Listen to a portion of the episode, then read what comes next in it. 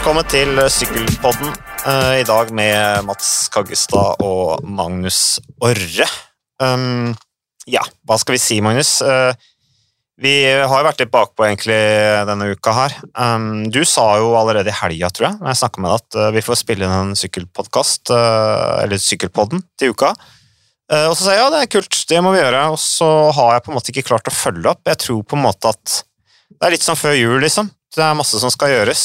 Um, det nærmer seg Tour de France. Det er 1. juli. Vi reiser ned 28. juni. Når tar du?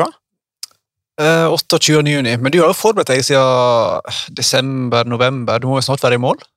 Ja, men uh, man blir jo på en måte aldri i mål med forberedelser til uh, Tour de France. Uh, altså, da er du ganske lite ydmyk hvis du sier det. ja, jeg er forberedt jeg på tre uker med Tour de France. Liksom. Jeg kan alt om landet og alle stedene og departementene og rytterne og eh, sportslig utvikling og statistikk og historie og ja, det er nok å forberede, altså. Men du er i rute, eller?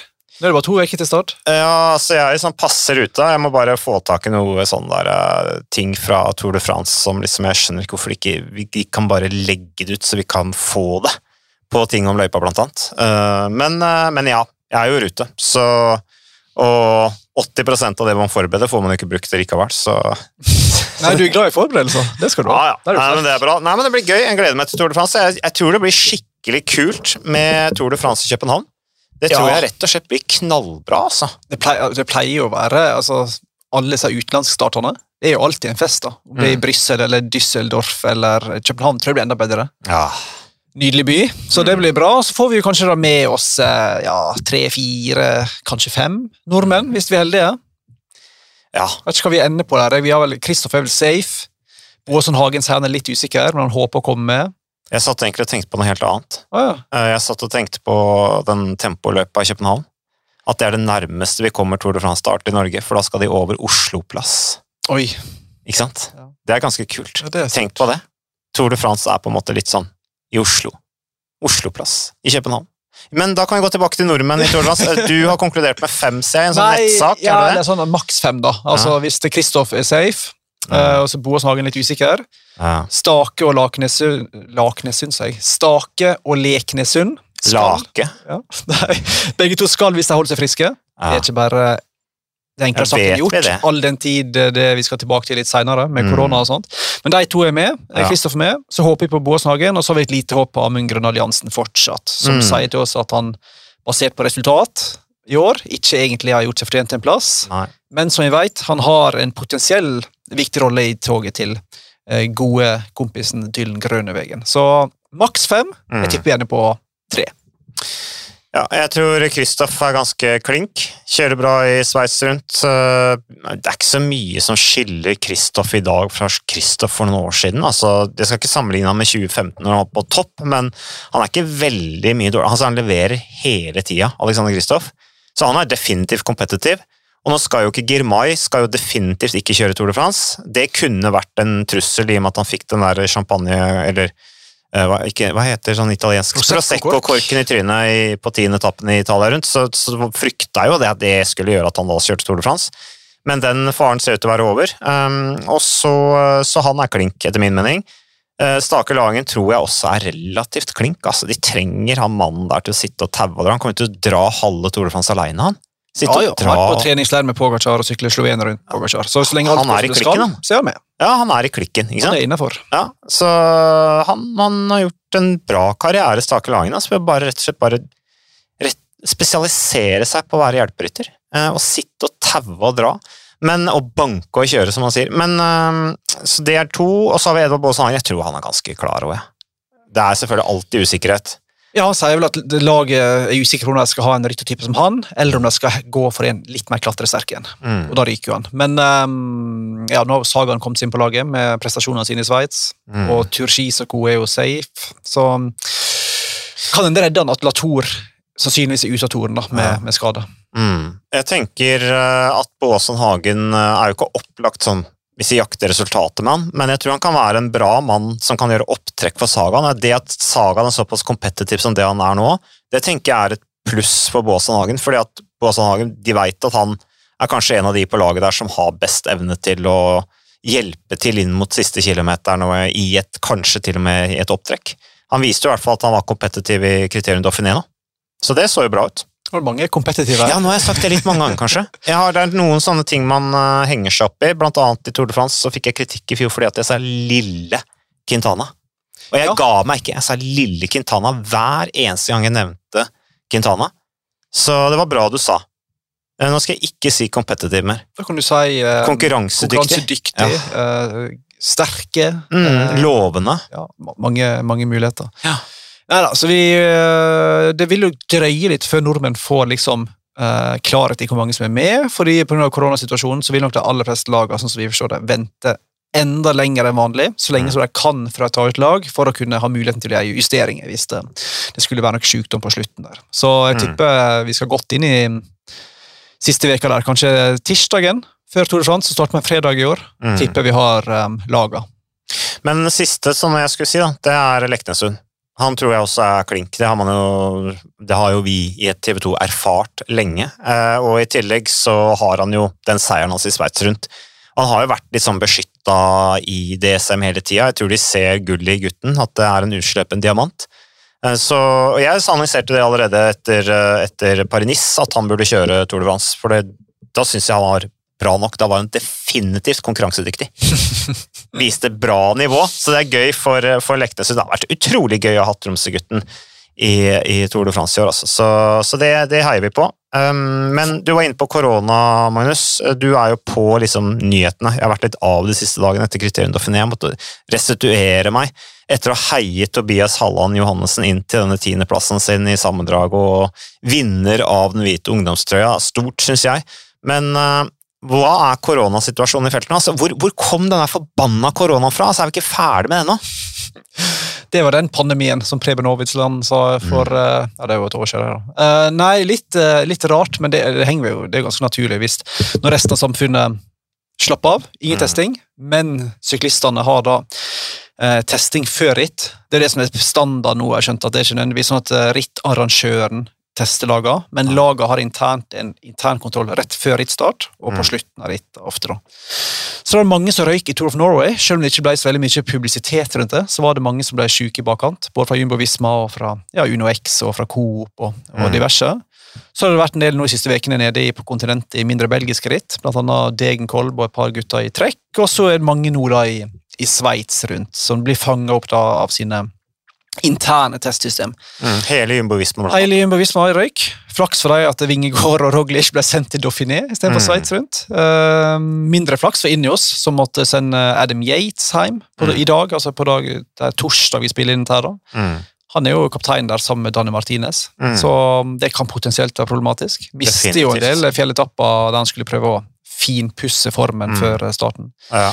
15 dager før Tour de France, og så var det en del andre ryttere, blant annet på DSM, så vi krysser jo fingre her vi sitter akkurat nå, torsdag ettermiddag, for at Andreas Leknessund har gått klar, men altså tre av rytterne på hans lag også blitt sendt hjem med Det positiv prøve. Så tungt altså, hvis ikke han kommer til Tour de France. må nesten få bli litt sånn paranoid når du er det sirkuset der. Mm. Um, så det var jo som vi hørte et intervju med Jakob Folsang som sa at når resten av samfunnet ikke tester, Mm. Trenger en da egentlig å drive og teste seg syklistene all den tid de aller fleste ikke blir særlig syke? Er det vits at vi skal ha et rigid system når resten av samfunnet ikke har det? Det kan diskutere Litt tilbake. doping. Uten sammenligning for øvrig. Ja, ja, men, eh, men, eh, nei, men altså når det gjelder Jumbo Visma, da, for å ta de først som sender hjem hele laget, de, de, har, gjort, de har vært kjappe på avtrekkeren tidligere også. Vi husker Tour de France for, nei, Italia rundt for to år siden. Da sendte de hele laget hjem ganske tidlig. Eh, de er jo også, det slår meg litt, de er det laget som jeg ser er veldig nøye med munnbind, blant annet. Mer enn andre. Eh, så de er nok, eh, og det der, nå vet vi ikke hvor mange som har testa positivt der, da.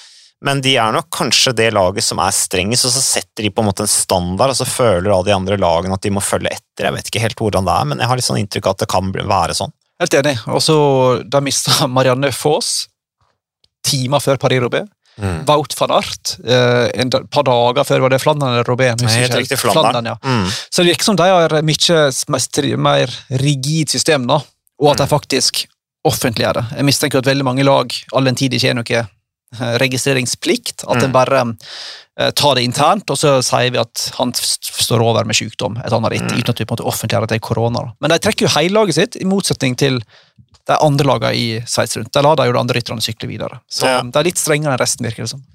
Ja, for sånn som jeg snakka med Gabriel Rask, han sa altså hos oss så står det der ved lag. altså Hvis én tester positivt, så er det han som er ut, ikke resten av laget. Eh, Så, så de, den, den tid er over, på en måte, hvor én rytter betød at hele laget var ute. Sånn var det jo i tidlig fase med covid, når alle var veldig på tå hev. Så men det er, det er skummelt, det er skremmende, det er synd vi må leve med den der angsten der fremdeles, uten at eh, det er eh, liksom Sykkelsporten er de som blir hardt rammet av covid. Vi ser jo hvordan det er stengt ned rundt omkring, annet i Kina. Det går hardt utover, eh, utover folk og, og økonomi og i det hele tatt. Men eh, noe mer du vil si om det, Magnus, før vi setter en strek over det der covid-greiene? La oss sette en strek over covid og Mm. gå til den store oppturen som heter Du har ikke Andreas covid? Leknesund. Jeg har hatt covid. Ja, Nå nylig, eller?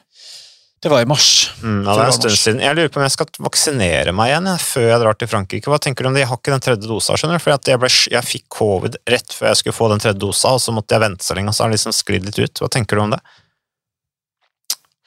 Skal du vel ikke? Du, jeg syns jeg skal ha en sprøyte før jeg drar til Frankrike. På stående fot, så sier jeg ja. Mm, ja, ja. Du er jo litt sånn strengere med covid enn med meg, så jeg bør kanskje lytte til det. Men eh, til eh, Vi var jo litt inne på det, Magnus. Nå husker jeg ikke helt om du begynte. Leknes begynte så vidt på Ja, ja. fortsett med det. Ja, jeg skulle bare si for en seier! Du satt Rå soloseier. du satt og så etappen òg. Ja, var det ikke nesten 17 km solo? Ja.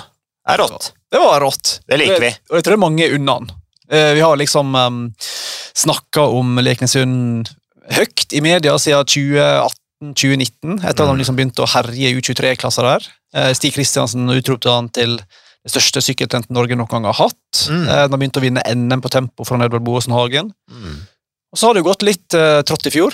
Mm. Ingenting å legge skjul på det. Uh, Første året, da. ja da, men du ser jo de, de på en måte folk kan ofte sykle fortere enn i 2023-klasser. Uh, Ilan van Wilder, Mauri van Sevenant, Bisseger, Champoussin, Mm. alle disse gutta. De har kommet mye lenger på mange måter i sin proffkarriere, iallfall hvis du måler til toppresultat og seire, Ja. enn Leknesund. Så det var deilig å se at nå han da tok det der eh, steget. Stor Ja. seier. Ja, det var noe med måten han vant på Absolutt. som gjorde det litt spesielt. altså Maken til maskin. Altså, Jeg så det potensialet i han. Så det, det likte vi. Det er bare å gratulere Leknesund. og det er, Han bekrefter på en måte at er, den generasjonen der er veldig solid. Mm. Eh, De resultatene de kommer med fra U23, blant annet, det er liksom ikke Har du de resultatene, så skal du på papiret gjøre det bra som proff. Men hvis ikke det er et eller annet som, som skjer, en eller annen omstendighet som gjør at ting ikke funker. Så, men det er bra å se at han blomstrer, Andreas Leknesund. Eh, og så skal vi ikke gjenta det noe mer, men eh, vi satser på at han også da blir å se i Tour de France. Um, nå, flere, nå er det jo veldig mye sykkelløp igjen. eh, Nå er det Altså, mange igjen. Ja, altså, hva er det som skjer? Altså, I gamle dager så var det Sveits rundt, det var Criterium Dauphiné, og så var det nasjonale mesterskapene. That's it, ferdig med det. Nå så er det liksom altså, Vi har Belgia rundt, vi har Sveits rundt, Slovenia rundt, og Rote Occitanie. Og så Ja. har vi sa Belgia rundt. Ja, du sa vel det. Iallfall fire etapperitt samtidig, rett før nasjonale mesterskap og Tour de France. Ja, da er luker vi ut eh, Ja, da luker vi sikkert ut noe ritt òg. Men eh, ja, sånn som Mont Ventoux Denivelé Challenge eh, nevnte du jo ikke. Eh, Så, mm, så, så har vi alle damerittene og sånn selvfølgelig også, men hvis vi skal fokusere mot Tour de France nå, hvem som er, er i form Vi trenger ikke å snakke om eh, babygiroen heller for U23, hvor vi for øvrig har et norsk lag som får litt eh, juling i disse dager. Men, eh, men eh, ja, nei, det er blitt veldig uoversiktlig. Jeg tenkte, jeg, jeg husker når jeg drev og sykla sjøl, så var det selvfølgelig Sveits rundt, Dauphiné, og så var det Rotus Syd, som i dag er det Occitanie. Eh, eller Occitanie, er det vel. Eh, men så har det liksom Belgia rundt blitt, og så har du ZLM-Tour, har vi heller ikke nevnt. Det er jo blitt sånn, de, har, de prøver å tiltrekke seg da de rene spurterne.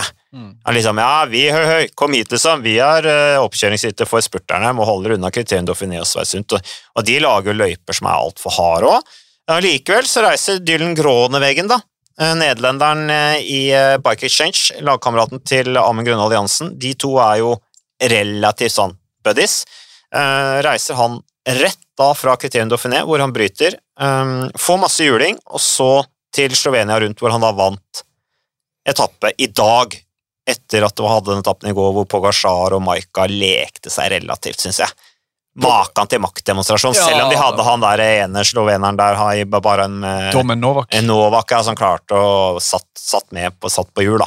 Men det var litt sånn, eh, altså Greit nok, det er ikke verdens høyeste nivå i Slovenia, men han sa vel etter etappen jeg har aldri vært tynnere eller produsert mer vatt eller vært mer klar i hodet enn det jeg er for Tour France i år. Mm. Så da er det jo egentlig bare for resten å bare legge ned, tenker jeg. Ja. Altså, Roglic, sorry Mac. Eh, hvis du er 100% og Pogacar er 100% så vinner Pogacar. Men Roglic er ikke 100 Nei, det det, er han det er han ikke. Altså, Så det, det, det, det, jeg så i Kriterium Dauphiné, var ikke 100 altså, det, var ikke, det var ikke Roglic på sitt beste. Nei. Så spørsmålet er om han da Men to, veker, to og halv uke etter Dauphiné, det er jo egentlig fin tid til å hente noen siste prosenter. da.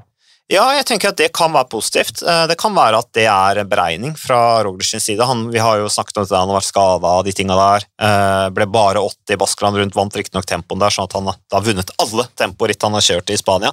Men, eh, men jeg tror det kan være litt fornuftig. Jeg tror kanskje at det er en klokere, mer erfaren utgave av Primus Roglic vi har. At han kanskje tenker ok, nå prioriterer jeg å være i form når jeg skal være i form. Eh, Så får vi se om han har mer å gå på. Det, det håper jeg i hvert fall, for hans del. Eh, Med tanke på at Pogasjar ser ut til å være i meget bra rute. Ja, jeg håper vi får en kamp om sammendrag i Tour de da. At det ikke bare blir I og med at mange sendte sine beste etappemenn til giroen, eh, så håper jeg at det ikke bare blir sånn maktdemonstrasjon fra start til slutt. Altså, Hvis Pogacar han er god på tempo, Ja. bedre han skulle være i teorien, i hvert fall, sånn med tanke på fysikk og størrelse. Mm. Tempo første dag. Uh, han er god på brostein. Ja. Det kan selvfølgelig gå i dass, det kan Ja. det for alle på brostein, men uh, løypa passer fyren fint. Så um, Mm. la oss håpe at Roglic er på topp, og la oss håpe at Adam Yates kommer seg fra covid og stiller til Mm. start, og at han og Danny Martinez kanskje i to spann kan Nei, Jeg tror ikke på det sjøl, men Jeg kanskje jeg kan, kanskje jeg kan Pogasjar utfordre. blir sånn der kjempe Åh, shit, Nei, Adam Yates! Det blir litt sånn Carapaz i fjor, tredjeplass. Sånn, fin plassering, men ikke egentlig i nærheten. Jeg tror faktisk Martin, jeg har mer tro på Ja, Martinez enn. Adam Yates. Eh, Men, eh, men en du ikke snakker om der, er Jonas Wingegård. Mm. Eh, han var den sterkeste i kriterium Dauphiné, etter min mening. Altså, han, kunne, han, han kunne lett sykla fra Primoz Roglic på den siste etappen. eh, Han tapte noen sekunder på tempoene, da. Ja, men det var ikke mye. Eh, han, skal på, han skal jo være litt dårligere enn en Roglic på, på tempo, men han sykla bra. Eh, og jeg syns at han så utrolig sprek ut. Så spørsmålet er jo da er det bra eller ikke bra. Det kan jo være at Vingård er vel bra i rute. I fjor så kom han inn i kriterien Dauphiné litt sånn eh, halv, halvbra. Han hadde vært skada, valgte seg ut et par etapper hvor han bra, resten så bare cruisa han igjennom. Mange var bekymra for Tour de France-formen hans i kriterien Dauphiné i fjor. Vi så jo hvordan det gikk. I år så er han superbra i kriterium Dauphiné. Spørsmålet er da liksom, ok, klarer han bevare den formen, klarer han bevare energien med det spenningsnivået han sikkert går inn i Tour de France i år, med starten i Danmark, andreplassen fra i fjor. Kan være at det går, er litt for bra, liksom. Litt for godt til å være sant. Tror du Vingegård er 100% klar til å backe Roglic?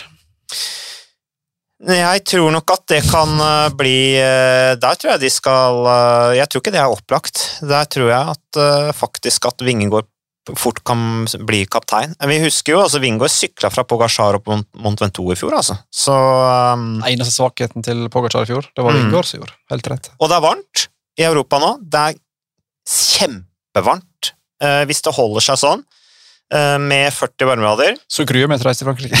Ja, det er oss det er synd på, da. Det er egentlig det. Ah. det, er egentlig det. Er det bare å glemme rytterne. Altså. Vi, oh, det, er, det er så varmt å være der nede, men, eh, Men eh, liksom ja, rytterne får jo tross alt litt vind, for de sykler jo. Det er sant. Mm. Det er sant. De står jo helt sånn vindstille og bare svetter. La oss uh, håpe på masse vind. Ja. Sidevind spesielt. Ja. Jeg digger Danmark. Men det er jo liksom du sier det med, med Vingegård. Altså, hvis han Altså, det er det eneste fornuftige av Jumbo Visma. Å ha et todelt. For jeg synes jo, Selv om Roglic kan virke uovervinnelig når han er i form, Mm. så har han jo kollapsa på veldig mange rare måter i mange ulike ritt opp i morgen. Om Mm. det er å krasje på siste dag, eller plutselig sprekke, eller Ja, det er jo stort sett krasjing, da. Mm. Så det gir absolutt mening å satse todelt, sånn som Jumbo Visma har gjort. Så um, det er vel ja, i mitt hode, med all ære altså, til Henrik Mas og Roman Bardet og Dani Martinez og bla, bla, bla. Men Mm. Jumbo Visma er liksom den eneste reelle utfordreren i mitt hode. til Pogacar, spør meg. Ja, Men hva med sånn som Jack Haig og disse gutta her? Altså, Han og Ben O'Connor, maks tredjeplass. ja, men de var ganske bra på slutten av uh, Criterion Dauphiné nå. Men så er spørsmålet liksom nivået. Var nivået så bra i Criterion Dauphiné? Er det høyere i Sveits rundt? Nå er det jo fordelt på alle disse rittene. Er fullstendig inflasjon i sykkelritt, ikke sant? så det er jo helt umulig å måle de opp mot hverandre i Tour de France. Så spenningen må i hvert fall bevares fram til sommerens store eventyr. Så Jeg tror de har, har kamp på den tredjeplassen. da. Mm. Du nevner de to australierne, og så har du selvfølgelig Pinot og Michael Storr. Og, altså det er mange andre, og Gaudu og altså, Folsang? Folsang? Yeah. Ja, men jeg, Ja, det er mange bra, men uh, ja, det blir nok Mm. jumbo mot UAE i utgangspunktet. Hva syns du om at Peter Sagan eh, vinner sykkelløpet igjen, da? Overlegent. Ja, du syns det er gøy? Det er kult, det. da, er moro. Det blir jo rock'n'roll i Tour de France da, med Sagan, Sagan back on track. Um, Han har en sånn egen måte å cruise på hjul på i finaler som er litt sånn, helt sånn unik, nesten. Når du så den etappen han vant, ikke at han har så veldig sånn opptrekk rundt seg, men bare litt sånn hva si, anstrenge seg, bare flytte seg rundt og manøvrere svinger på en helt annen måte enn mange andre gjør. Utrolig sånn grasiøse bevegelser. ja, og så er han jo brutal mot konkurrentene. da. Ja. Altså, Der er det albuer og skuldre, og han tar ikke hensyn i det hele tatt. Og Ja, det, det, han, det må han gjøre hvis han Jo. skal fikse. Han, Han har jo sine fiender i lagkamerater. det. Ja, men det, det blåser jo han i. Absolutt. Han er en vinner, han. Han skal bare vinne, han. Min- Og så er han populær blant publikum. Ja, absolutt. Ja. Så det er kult. Han minner meg om Minner meg litt om stygt å si det, men liksom Mario Cipollini Altså nå er Mario Cipollini For de som følger han på Instagram, må jo bare slutte å følge han på Instagram. For han legger stort sett ut bilder av seg sjøl naken eller halvnaken. Ofte i speedo. Altså Hvem er det som Han la ut et bilde i helga der han pusha Det var beinpressmaskin i Mm. trusa. Mm. Tenker Du, hallo, du er liksom Er han 55 eller noe sånt? Han har ikke lagt ut bilder av da han banka kona si, eller? Ikke ennå. Ikke ennå. Men noen må kjøpe en mann klær. Ah, så slipper det kroppen hans. Uansett, Poenget mitt var at han minner meg litt om sagaen i den der eh, ja, drit litt, altså Folk er forbanna på sagaen ofte, for han tar for masse plass i felt og bla, bla. mm. Men han er konge, både i sitt eget hode, ikke minst, Mm. men òg liksom blant mange andre. da. Gjør akkurat som han vil. Mm. Og når han vinner, så er det alltid litt show. Det er alltid litt sånn ekstra stas når han vinner. Av en eller annen grunn. Sagan er, eh, Sagan er en unik idrettsutøver, men forskjellen på Sagan og Cipo- Cipollini var at Cipollini han, han klarte ikke å manøvrere seg rundt i feltet sånn som Sagan gjør. Altså Cipollini måtte ha åtte mann ha på en strek som sykla i 65 km i timen minimum, liksom, for at han skulle komme i posisjon inn på oppløpet. Han, han, bare måtte Han fikk klaus, han, inn i feltet. der. Han måtte ha plass rundt seg. Jeg husker han var i Qatar rundt det ene året jeg var der. Han, det, det likte han ikke, og det, da husker jeg snakka med Ljungquist, som da var lagkameraten hans i Liquigas. Han sa at nei, Cipollini liker seg ikke her, det er for trangt i feltet, for hektisk, sidevind. Han, han, han, han likte ikke det, han. Så han skulle være konge, han. Han skulle ha, liksom, han skulle ha all plass. Så sånn er han. Men, øh, men da får han jo bolte seg på Instagram. Der får han jo all plass han vil ha, egentlig. Og det er det du sier òg. Og den tar han. Mm. Så la oss eh, Og starte sånn eh, GoFundMe for å samle inn penger til klær for Mario Cipollini. Mm. Det tror jeg vi skulle hadde alle tjent på. Ja, men det er jo sikkert noen som liker å se han uten klær òg, da. Som trykker på like, og så ser han at han får mange likes når han er Du er jo glad i like ting sosiale medier, så du har sikkert liket en del. Nei, jeg, jeg, jeg, jeg følger ikke Cipollini. På, Er du for kul for det? Nei, altså, jeg har ikke tenkt på det engang. Altså, altså, det var- ja, men nå tipsa du meg. Så når du sa Mari Cipollini Nå er det jo Pride i helga, så det passer bra da, at eh, jeg følger Cipollini når han har speedo, og syns det er kjempeflott at han gjør det. Men uh, uh, Sagaen vinner igjen. Eh, litt statistikk. eh, Magnus. jeg syns det er så gøy når jeg får sånn statistikk servert på sosiale medier. Apropos. Altså, Sagaen har 163 pallplasser som proff. Tenk på det! Han er den aktive rytteren i feltet som har flest topp tre i karrieren. Valverde har 126, Cavendish har 94. Så det er, eh, det er jo suverent flere ganger på pallen enn noen annen på, på PT Sagaen. Og han fortsetter å levere, så det er bra. bra. Hvor mange seier er han oppi, da? Det var ikke 120 han kom til nå? Uh, Det husker jeg Jeg ikke. tror det. Vanvittig karriere. Han Cirka har halvparten har eh, til Sveits, da. Men, eh, 120 seier, ja. Helt riktig, som du sa. Så det er bra. Det er bra. Men øh, jo, vi har jo ikke snakket om nå, har vi, nå har vi snakket mye om Tobias Halland Johansen sin tiendeplass i, i Kriterium Dauphiné. Han forbedret jo da Atle Kolsvold sin 14.-plass fra 1990. Eh, og jeg snakket med Atle Kolsvold her om dagen, eh, og da sa jeg hei, Atle. 14. mann i Kriterium Dauphiné i 1990. Eh, var du kaptein da, eller? Og så sa Atle nei, han var ikke kaptein. Han kjørte for David Miller. Eller Robert Miller, mener jeg. Robert Miller. Eh, og det som skjedde, var jo at eh, de var egentlig likestilt som kapteiner, men Steven Roach satte fram laget sitt og kjørte i- langesonen, alt de hadde, på en etappe. Og da fikk Atle fem minutter i sekken, så da røyk hele greiene. Så da tapte han fem minutter, og måtte da jobbe for Robert Miller resten av rittet. Men ble nummer 14 sammenlagt, da. Det sier noe om han. Nok en ripe i lakken for Steven Roach, som er Mm. under etterforskning for enorm var det skatteunndragelse om dagen. Oh, ja. Stendig krise på hjemmebane i Roach-familien. Å ja. Store summer som han har eh, lurt unna noen bedrifter. Så, Uff da. Ja. vel. så han viste vel så vidt i giroen. Da var det mange journalister som prøvde å få tak i han, men eh, han har jo ikke uttalt seg ennå. Så gamle Nei. gutta lever fortsatt uh, hard and fast. Ryttere som angriper i langesonen, der er det noe shady greier, altså. Det gjør du bare ikke. Det er bare slemme gutter som gjør det. Så og Atle Kaasvold ble jo da tatt på senga, dessverre, og gikk kanskje muligens glipp av en uh, topp ti-plassering der. Men utrolig gøy med Tobias Hallen Hansen som blir nummer ti. Vinner den hvite ungdomstrøya, det er stort. Eh, Og han leverer jo også i det der Mont Ventoux Denivelle Challenge med en fjerdeplass. Det er, det er kult, altså. Det er veldig bra. Ble jo kjørt styggfort opp der. eh, Raskeste tiden som noen gang har kjørt opp der av Ruben Greien. Det Er et endagsritt, veldig ferskt ritt. Ble arrangert tre eller fire ganger, tror jeg. Eh, Sånn, at, eh, så sånn sett så kan man ikke sammenligne med disse Tour de France-tidene. Man sykla opp der altså på 58 minutter og 36 sekunder. eh, 6 watt per kilo cirka, så det er bare eh, å stykke prøve. unna Iban Mayo sin vant to-rekord fra 2004 på tempoen i Dauphiné. Og det er bra Mm, at vi er litt mm. unna den tempoen. Ja. Men eh, det deilige med fjerdeplassen er at du det er jo selvfølgelig ikke verdens største ritt, men det var bra deltakelse. Men det, er jo- det er jo betryggende å se at han òg hevder seg såpass bra i lange stigninger. Mm. Van to er jo i det spekteret av veldig lange stigninger. Det er jo Ja. to mil cirka fra Bedouin. Uff, ja. Så han er ikke bare Jeg føler av og til han heller litt mot det der à la Philippe Puncheur-spekteret, Mm. men han, har, han begge, behersker jo begge deler. da. Så Mm. fjerdeplass på Van to, det lar seg høre. Vi liker det. Vi liker det. Så det er bra. Det er bra. Um, ellers av uh, Er det noen viktige ting vi ikke har snakka om nå, Magnus? Du ser på klokka, ser litt stressa ut, begynner å klø deg på armen. Ser ut som det er litt sånn som plager deg nå. Er det, ja, nei, det er bare for mange armbånd her, så jeg prøver Ja, liksom du har så mye armbånd Masse sånn jalla. greier på, rundt halsen òg. Det er jo Altså, Vi får leke unge så lenge vi kan. Ja, ja, ja, ja, det Nei, men Vi har vært innom eh, en, en del av det. Um, så er vi jo eh, Kristoff var vel oppe en tredjeplass der i Sveits rundt, så, Mm. Det har vi snakka om. så han er vel i, eh, i rute og er vel i, i ferd med å bestemme seg for hvor han skal sykle um, de neste åra. Ja, hvordan går det? det? Jeg ser det har vært spekulasjoner rundt Uno X, og særlig norske sykkelfans. De Ja. drømmer jo om det, men hvor realistisk er det, tenker du? Um, det, det, mitt inntrykk akkurat nå, Mm. uten å ha dobbeltsjekka med de få kildene vi har i miljøet, jeg er forsiktig med hva du sier nå. Ja, eh, Mm. må vekte mine ord. Jeg vil at det, det heller mot um, Å, nå er jeg spent. Ja. Uh, mitt inntrykk akkurat her i dag, på torsdag ettermiddag, er vel at Intermarché kanskje er først i køa. Ligger kanskje best an. Jeg trodde ikke de hadde penger til han. jeg.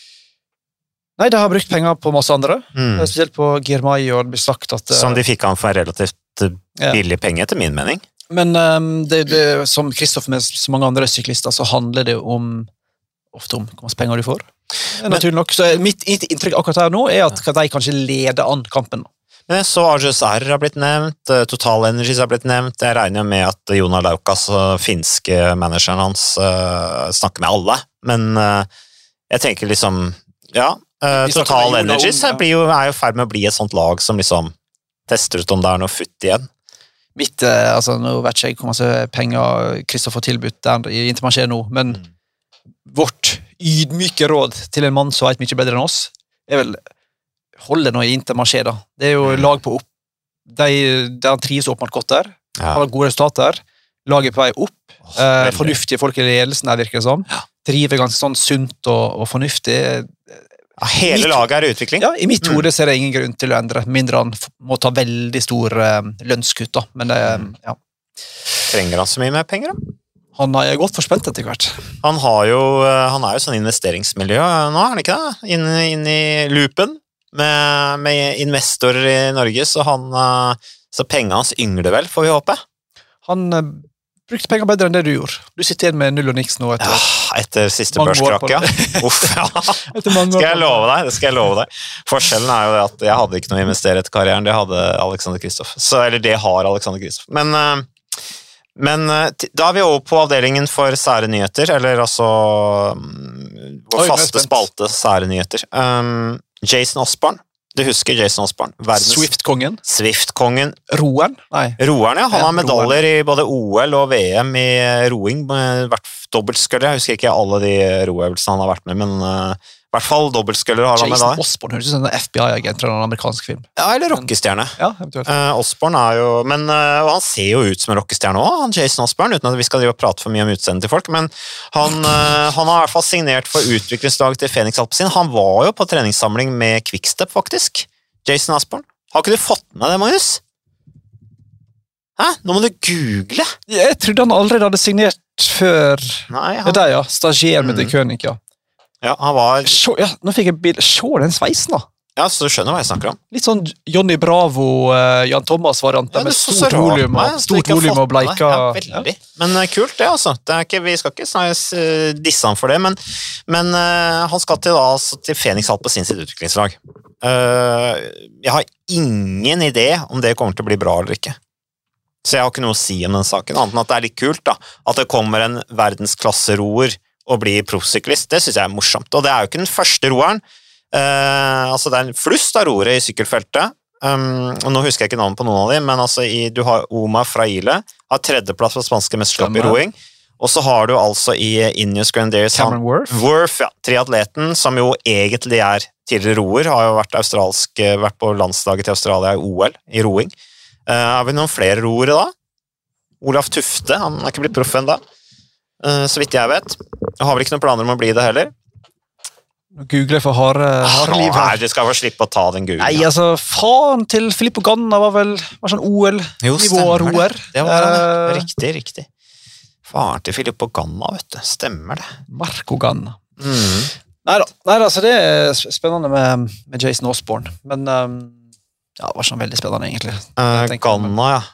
Eh, han er sønn av Marco Ganna, som deltok i OL i kanosprint i 1984 i Los Angeles. Kano sprint? Er ikke én distanse? Liksom? Kano? Eh, han, han, nei, han fullførte ikke K4 1000-meteren Marco Ganna. Det ble for langt. Han brøyt. Ja, Det- ikke er veit jeg, at han fikk hull i båten eller et eller annet. Hvem veit, liksom. Han sank.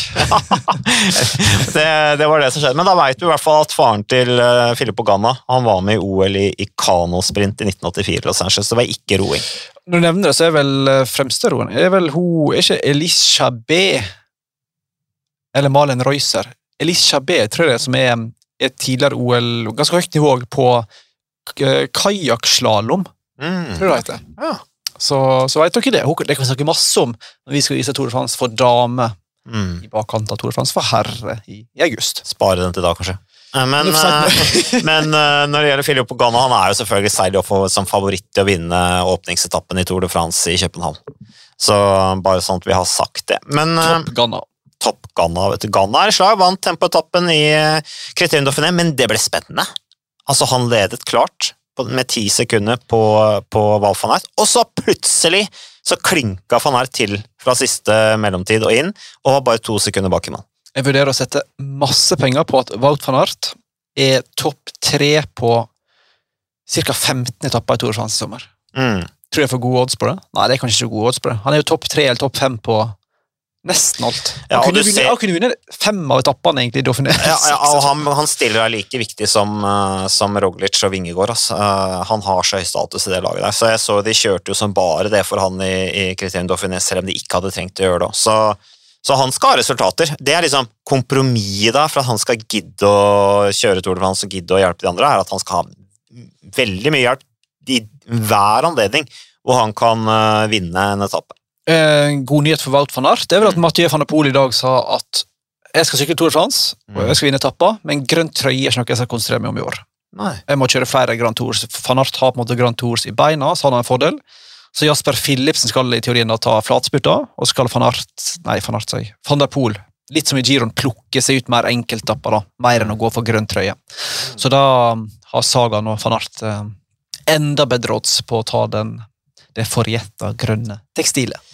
Van de Poel, ja. Uh, ja. Van de Poel hviler seg, han, til uh, etter uh, giroen. Så eh, jeg tipper han kommer til å komme til Tour de France i en enorm form, så um, det blir eh, spennende å se.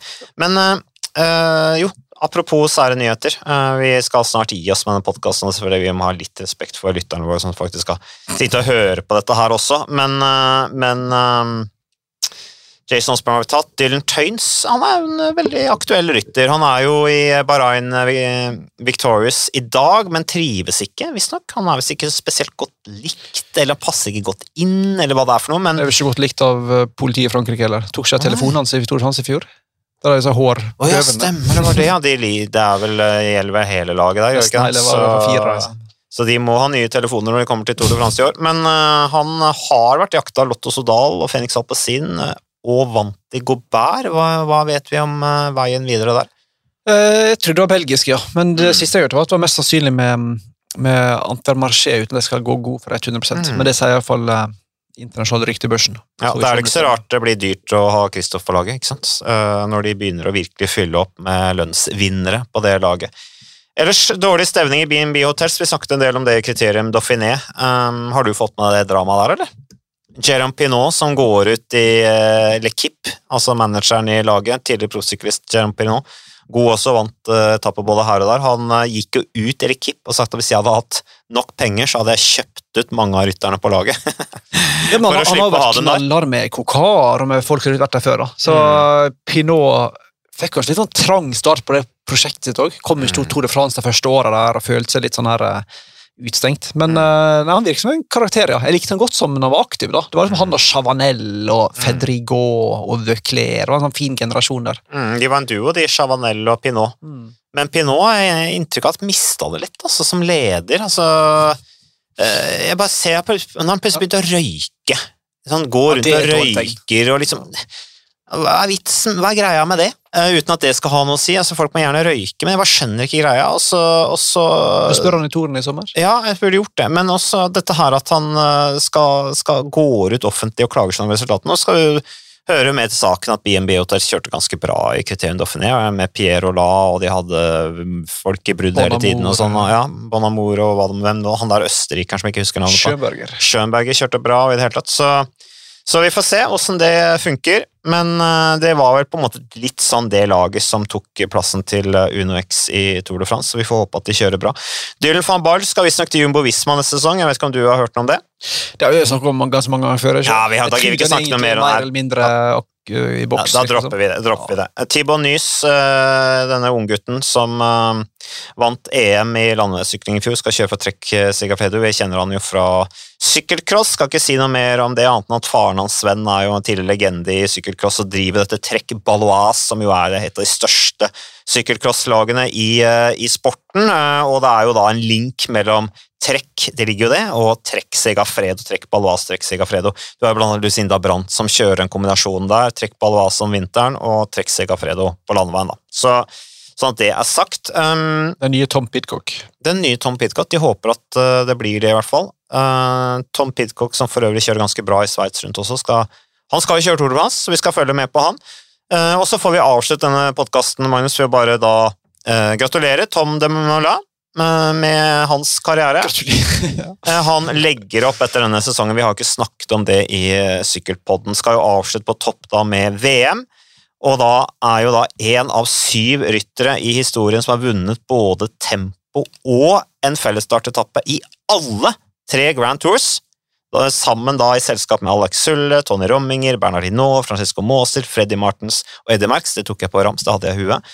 Eh, og var blant de beste da han altså Altså, det han gjorde i 2018 da han var på podiet i både Italia rundt Frankrike rundt, det var stort. Det var klasse. Den prestasjonen der får altfor lite oppmerksomhet. Mm. Det var da Chris Froome vant Giron siste dagen, eller nest siste dagen. Ja. Så ble Dumoulin nummer to, og så kom til Tour de France. Så vant jo Geraint Thomas foran Dumoulin igjen, og så var Froome nummer tre. Ja. Men den der å bli nummer to i Giron og to i Tour de France, Mm. mot Team Sky, som det heter da, på sitt beste, Ja. enorm prestasjon. Mm. Så det er litt, litt sånn leit han legger opp, for der har du eh, gudbenåda talent og en eh, trivelig personlighet, men som ikke trives nok, dessverre. Ja, nei, så Det var en helt enorm prestasjon. Det har bare skjedd 28 ganger tidligere i historien av 17 ulike ryttere. Bare sånn for å ha sagt det, da. Bare sånn for ikke bli At du etisk to i Giro og Tour, Tour de France? Jeg har vært på pallen i begge ritt. Så, så det, men det er bra, det, altså. Men uh, historien er lang. null- Nuller du den ganske? uh, han uh, er jo i, da, i selskap da, med andre ryttere som skal legge opp òg etter denne sesongen. Um, Den lista begynner å bli ganske lang med store. Valverde, Gilbert, Rebellin. Um, Sykler han fortsatt? David Rebellin sykler ennå. Vincenzo Nibali, Ashley Moolman Pasio, Uh, Giovanni Visconti, Richie Port og da Tom Domela. Ilio Kajse, for å nevne enda en. Kan vi slenge med Ilio Kaiser der? Ja, ja, det kan vi. Men nå, der eh, vil jeg jo ikke savne. Men. Dumoulin vil jeg jo savne. ja, men nå rangerte jeg da de etter antall seire. Valverde er den som har flest seire av de som skal legge opp, med 133. Gilbert nummer to med 80 osv. nedover. Rebellin nummer tre ikke sant? med 61. Så, så det. Så det er store ryttere. han. Er 52 nå. 52, ja. På tide for sitt liv, da. Ikke sant? Selv jeg har jo konkurrert med Reblin. Han var jo på sitt beste Det var vel i 2004, var det ikke da han vant uh, alle Arden-klassikerne? Så pluss litt til. Men uh, takk for at uh, du var med på Sykkelpodden, Marius. Det er veldig vanskelig. Du er jo tross alt eksklusiv vare. Du har jo dårlig tid ofte. Du har et tett program. Um, og jeg har liksom dårlig samvittighet når jeg inviterer deg med på Sykkelpodden. For jeg har litt sånn inntrykk av at du syns det er fullstendig bortkasta tid å være med på dette her. Det er jo kommersielt relativt uinteressant for TV 2 òg, for vi har jo veldig få lyttere, så det er jo ikke noe penger å tjene på det. Ingen som vil annonsere på podkasten vår. Men uh, vi, uh, vi uh, bare turer på likevel, vi. Um, så Vi som Sagan, vi ignorerer hva folk syns. Ja. Vi bare kjører på. det er helt riktig. Så sykkel til folket, også via podkast. Takk for at du lyttet på Sykkelpodden.